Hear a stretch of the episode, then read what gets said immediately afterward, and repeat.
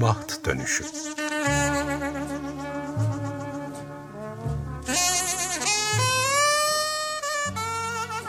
Kısa öykü okumaları ve büyüme biçimleri. Hazırlayan ve sunan Ayşe Görür.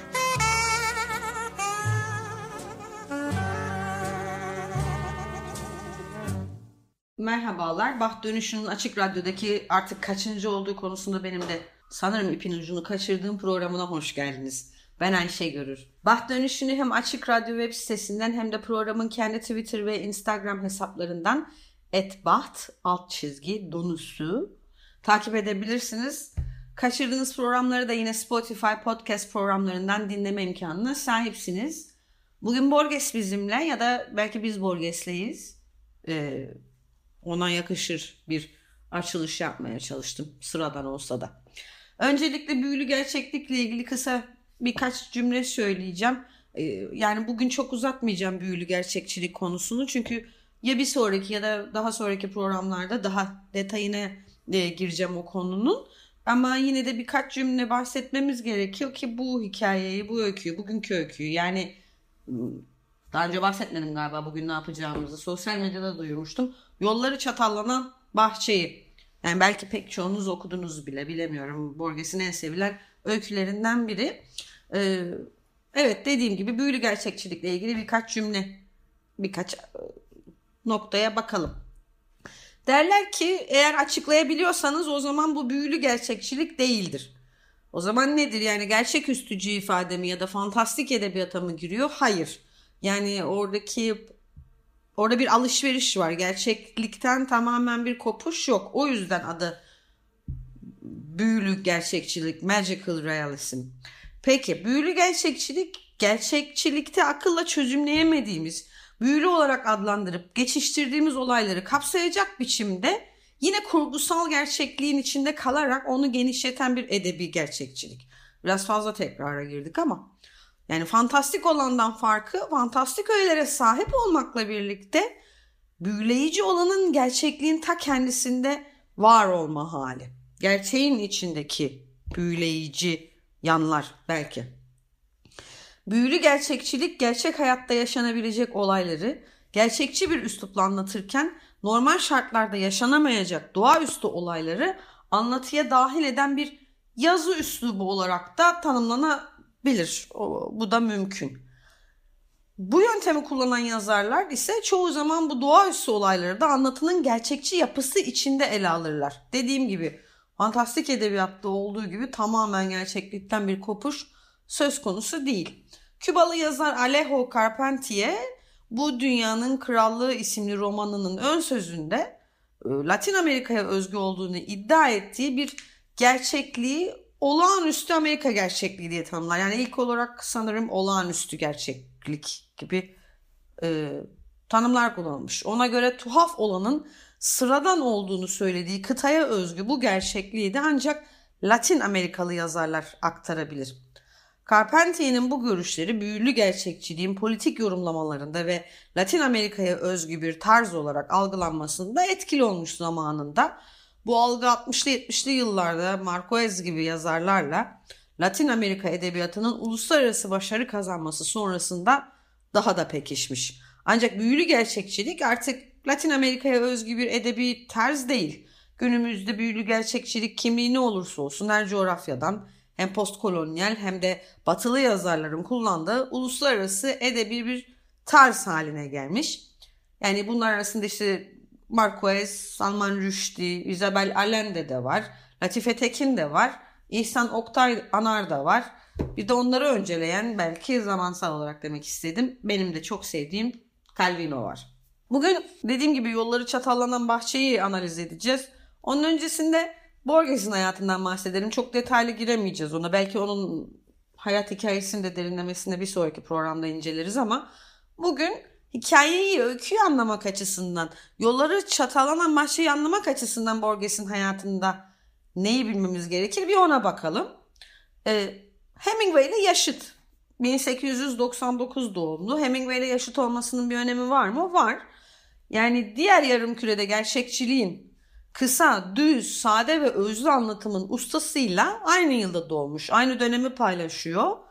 Ee, bu önemli çünkü onun söylediklerinin tam tersini söyleyecek. Yani kısa olmakla birlikte karmaşık e, ve asla sade olmayan e, bir anlatım ustasıyla karşı, karşıyayız bu seferde.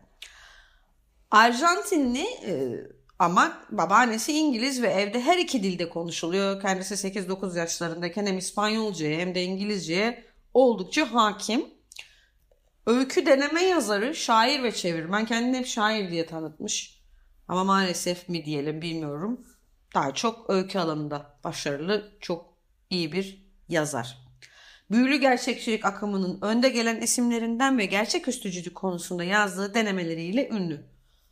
Buenos Aires ve tangoya çok düşkün. Gelelim yolları çatallanan bahçeye. Yolları çatallanan bahçe ile çoklu evrenlerde alternatiflik alternatif gerçeklik pardon teması edebiyatta ilk defa işlemiş oluyor. Öykünün temasının kuantum mekaniğinin birçok dünya yorumunu önceden haber verdiği söyleniyor. Yani dü- yani fiziğin dışında başka alanlarda kuantum mekaniğinin ilk defa kullanıldığı metinler metin olduğu söyleniyor yolları çatallanan bahçenin. Filozof ve bilim kurgu yazarı Olaf Stapledon'dan etkilenmiş olma ihtimalinden de bahsediliyor. Borges'in yolları çatallamak vizyonu özellikle hipermetin kurgusu alanında da yine birçok medya araştırmacısı tarafından ilham kaynağı olarak gösterilmiş. Onun yani Borges'in sonsuz metin fikrini ifade eden diğer öyküleri arasında Babil kitaplığı ve Kum kitabı da sayılabilir. Babil kitaplığı kütüphanesi de diye de çeviren var. Yine aynı Yolları Çatallanan Bahçe ile aynı kitapta. Fictiones'de. Yolları Çatallanan Bahçe konusu zaman olan uçsuz bucaksız bir bilmece ya da mesel. Bu çok gizli nedenden ötürü zaman sözcüğüne öyküde hiç yer verilmiyor bu arada. Borges'in pek çok öyküsünün tarzı yoğun, e, imalı, ondan sonra ve akılla ilgili daha çok tabii ve sıklıkla karmaşık felsefi meseleleri ele alıyor. Birinci Dünya Savaşı'nda iki casus yani yolları çatalanan bahçeye girersek artık çok özet. iki casus birbirlerini kovalıyorlar. Buradaki gizem kimin kim olduğunda bile değil. Çünkü Borges bunu da çok kullanıyor. Kişilerin karmaşası üzerinde de çok duruyor ama yolları çatalanan bahçede her birinin kendi labirentinde alacağı yolda yatıyor.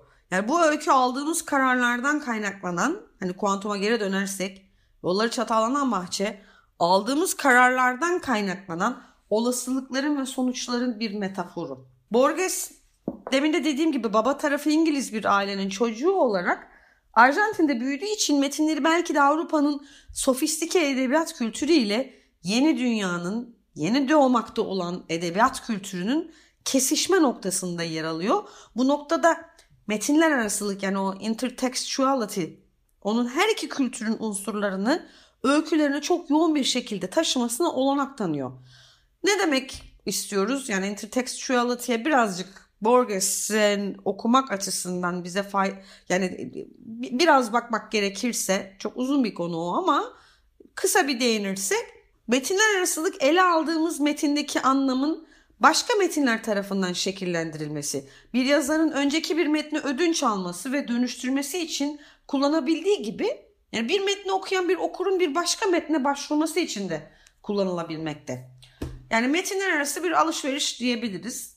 Çok kısa. Bu kavramın kendisini de yine post yapısalcı Julia Kristeva 1966 yılında kullanıyor. O günden bu yana pek çok kez ödünç alıp dönüştürülen bir kavram. Yani metinler arasılıktan bahsetmişken tabi Borges'ten bir öykü okuduğumuzda postmodernizme de değinmek gerekiyor. Onun ayak seslerinden de bahsetmek gerekiyor ama o da bugün değil. Daha sonra.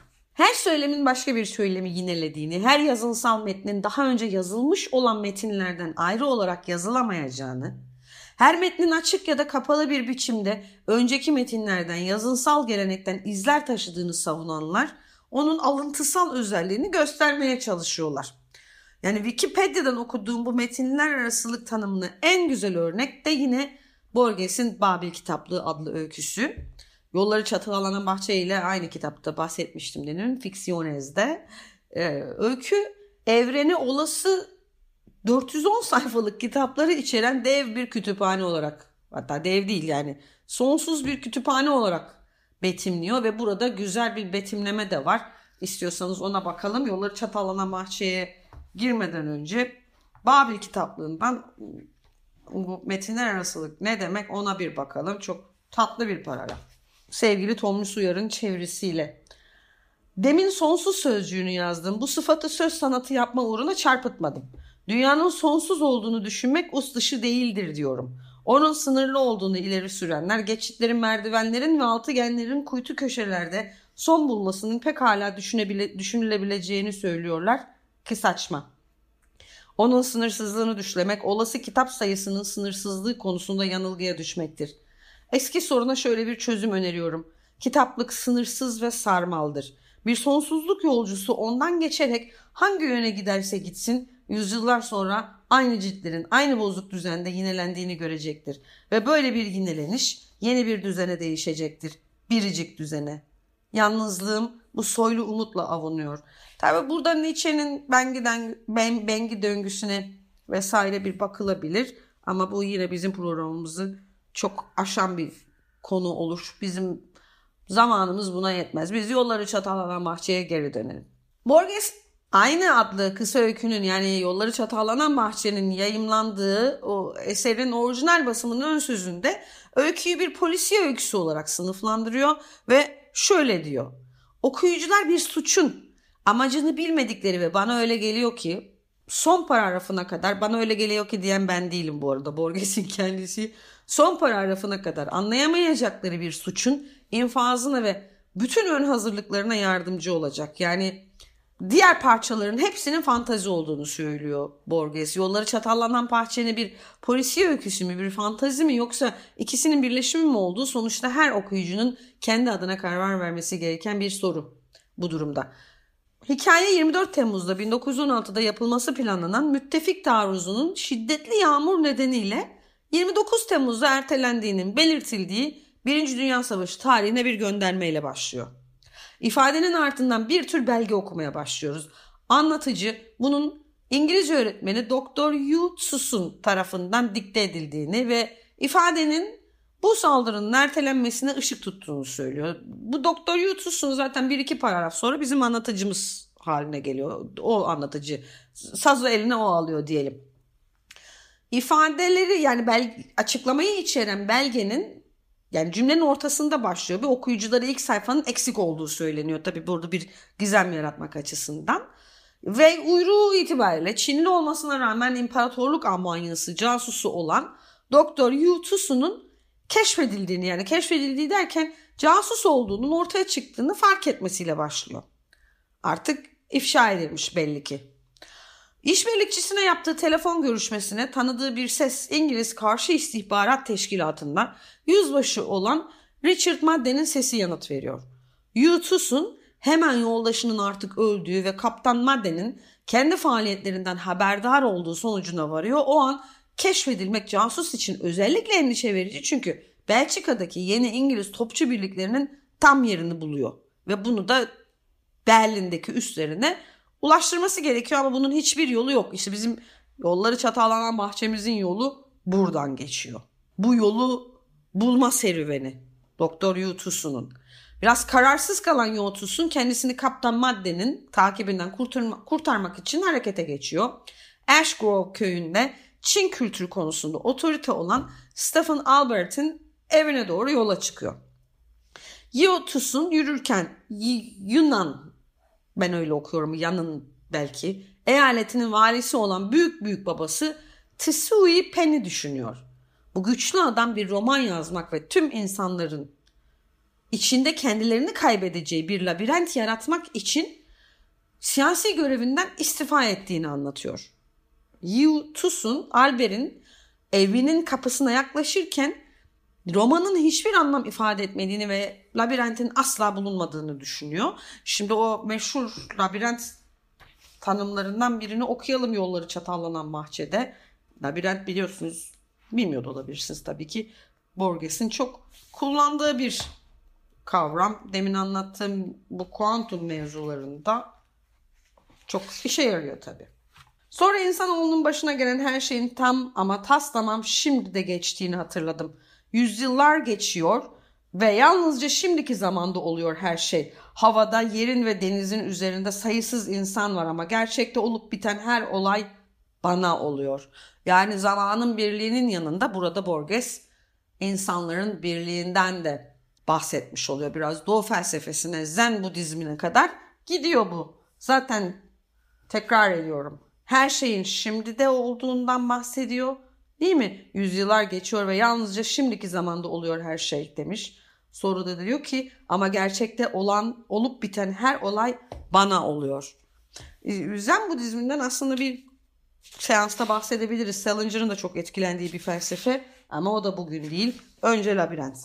Hem de her içine girenin kaybolacağı bir labirent kurmak uğruna yeryüzündeki bütün yetkilerinden vazgeçen Tusui Pen'in torunu olmam boşuna değil. Büyük babam bu çok farklı uğraşlara 13 yılını vermiş ama sonunda bir yabancı tarafından öldürülmüştü. Romanı bölük pörçüktü, labirenti ise hiç kimse bulamamıştı. İngiltere'nin ağaçları altında yürürken o kayıp labirenti düşündüm. Gözlerden uzak bir dağ doruğunda el değmemiş ve kusursuz biçimiyle gözümün önüne getirdim onu. Pirinç tarlalarıyla yeryüzünden silindiğini, sular altında kaldığını gözümün önüne getirdim. Sonsuz bir labirentti. Sekizgen tarhlar ve iç içe geçmiş başladığı noktaya dönen yollardan değil, ırmaklar, iller ve krallıklardan kurulmuş sonsuz biçimiyle canlanıyordu gözümün önünde. Bir labirentler labirentiydi düşündüğüm. Geçmişle geleceğe kuşatacak ve bir yolunu bulup yıldızları da içine alarak yılan gibi kıvrıla kıvrıla dünya yüzüne yayılacak bir labirent. Bu aldatıcı imgelere kapılıp kaderimin kaçaklık olduğunu unuttum. Belirsiz bir zaman dilimi içinde dünyayı soyut algılayan bir varlık olduğumu sanmıştım. Her türlü yolgunluk olasılığını ortadan kaldıran inişli yol kadar sanki usul usul soluk alıp veren kırlar, gökyüzündeki ay, günün son ışıkları da etkilemişti beni. Günün öğleden sonrası sanki dost, sanki sonsuzdu. Yol iniyor, iniyor ve artık birbirine karışan çayırlıklar arasında çatallanıyordu. O an fark ettim. Rüzgarın estiği yöne göre yaklaşıp uzaklaşan, sık yapraklarla aradaki uzaklığın hafiflediği tiz, neredeyse gümüşlü tınılar taşıyan bir müzik geliyordu ileriden. İnsanın öteki insanların yaşamlarının belli anlarında onların düşmanı olabileceğini ama bir ülkenin düşmanı olamayacağını düşündüm o an. Ateş böceklerinin, sözcüklerin, bahçelerin, akarsuların, gün batımlarının düşmanı olamayacağını. Yani o kadar güzel anlatıyor ki burada kendi felsefesini anlatırken bir yandan da insanın insana belli yaşamlarda yani farklı yaşamlar yaşıyoruz ya bu Zen Budizmine gönderme yaptığından bahsetmiştim. Düşman olabileceğini ama doğaya, bahçelere, akarsuya, gün doğumuna, böceklere ve sözcüklere asla e, düşman olamayacağını söylüyor sevgili Borges. Um, eve geldiğinde e, bir Çin konsolosuyla karıştırılıyor şey. Bu bizim yazarımız yani anlatıcımız Yu Tusun. Bu da enteresan ve Albert ona yolları çatallayan bahçeyi görmeye gelip gelmediğini soruyor. Yu Tusun eve girdiğinde konuşmaları Tusi Pen'in romanına dönüyor.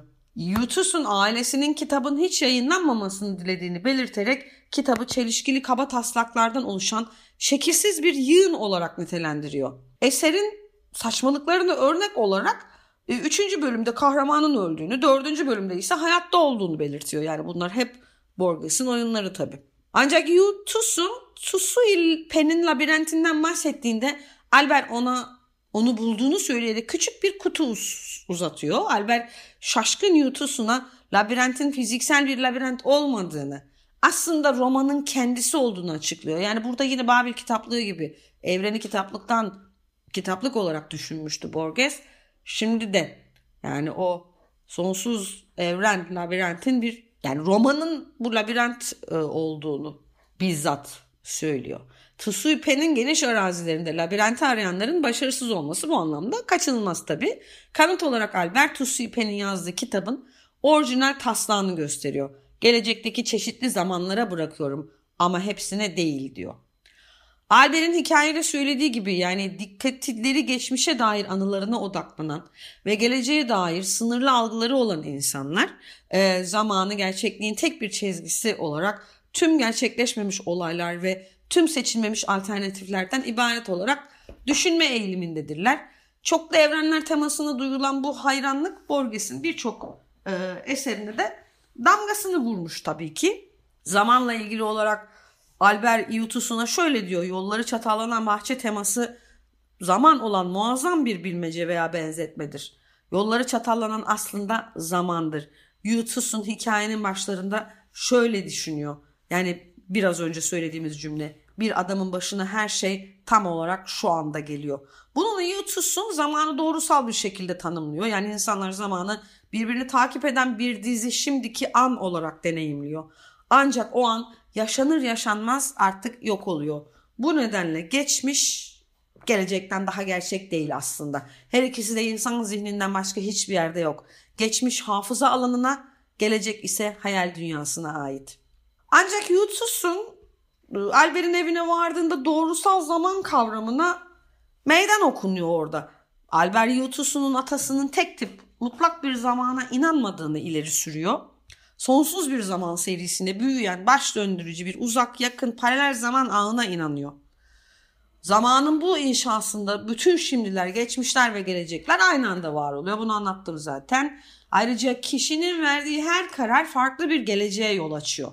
Bütün bu kararların dallara ayrılması veya çatallanması zamanın bir çizgi değil bir ağ veya olasılıklar ağı olduğunu gösteriyor. Yani aslında bizim olası tercihlerimiz dahilinde mümkün olan bütün sonuçları farklı uzamlarda fakat aynı zaman diliminde yani şimdi de deneyimliyoruz. İşte bunun adı yolları şatallanan bahçe. Oraya da örnek bir bölüm okumak istiyorum size. Bu mektubu bulmadan önce kendi kendime bir kitabın nasıl sonsuz olabileceğini sormuştum. Dönümlü dairevi bir cidden başka bir şey gelmedi aklıma. Son sayfası ilk sayfayla eş olan, dilediğince sürüp gitme olasılığını içeren bir kitap. Binbir Gece masallarının tam ortasına rast gelen o geceyi de hatırladım.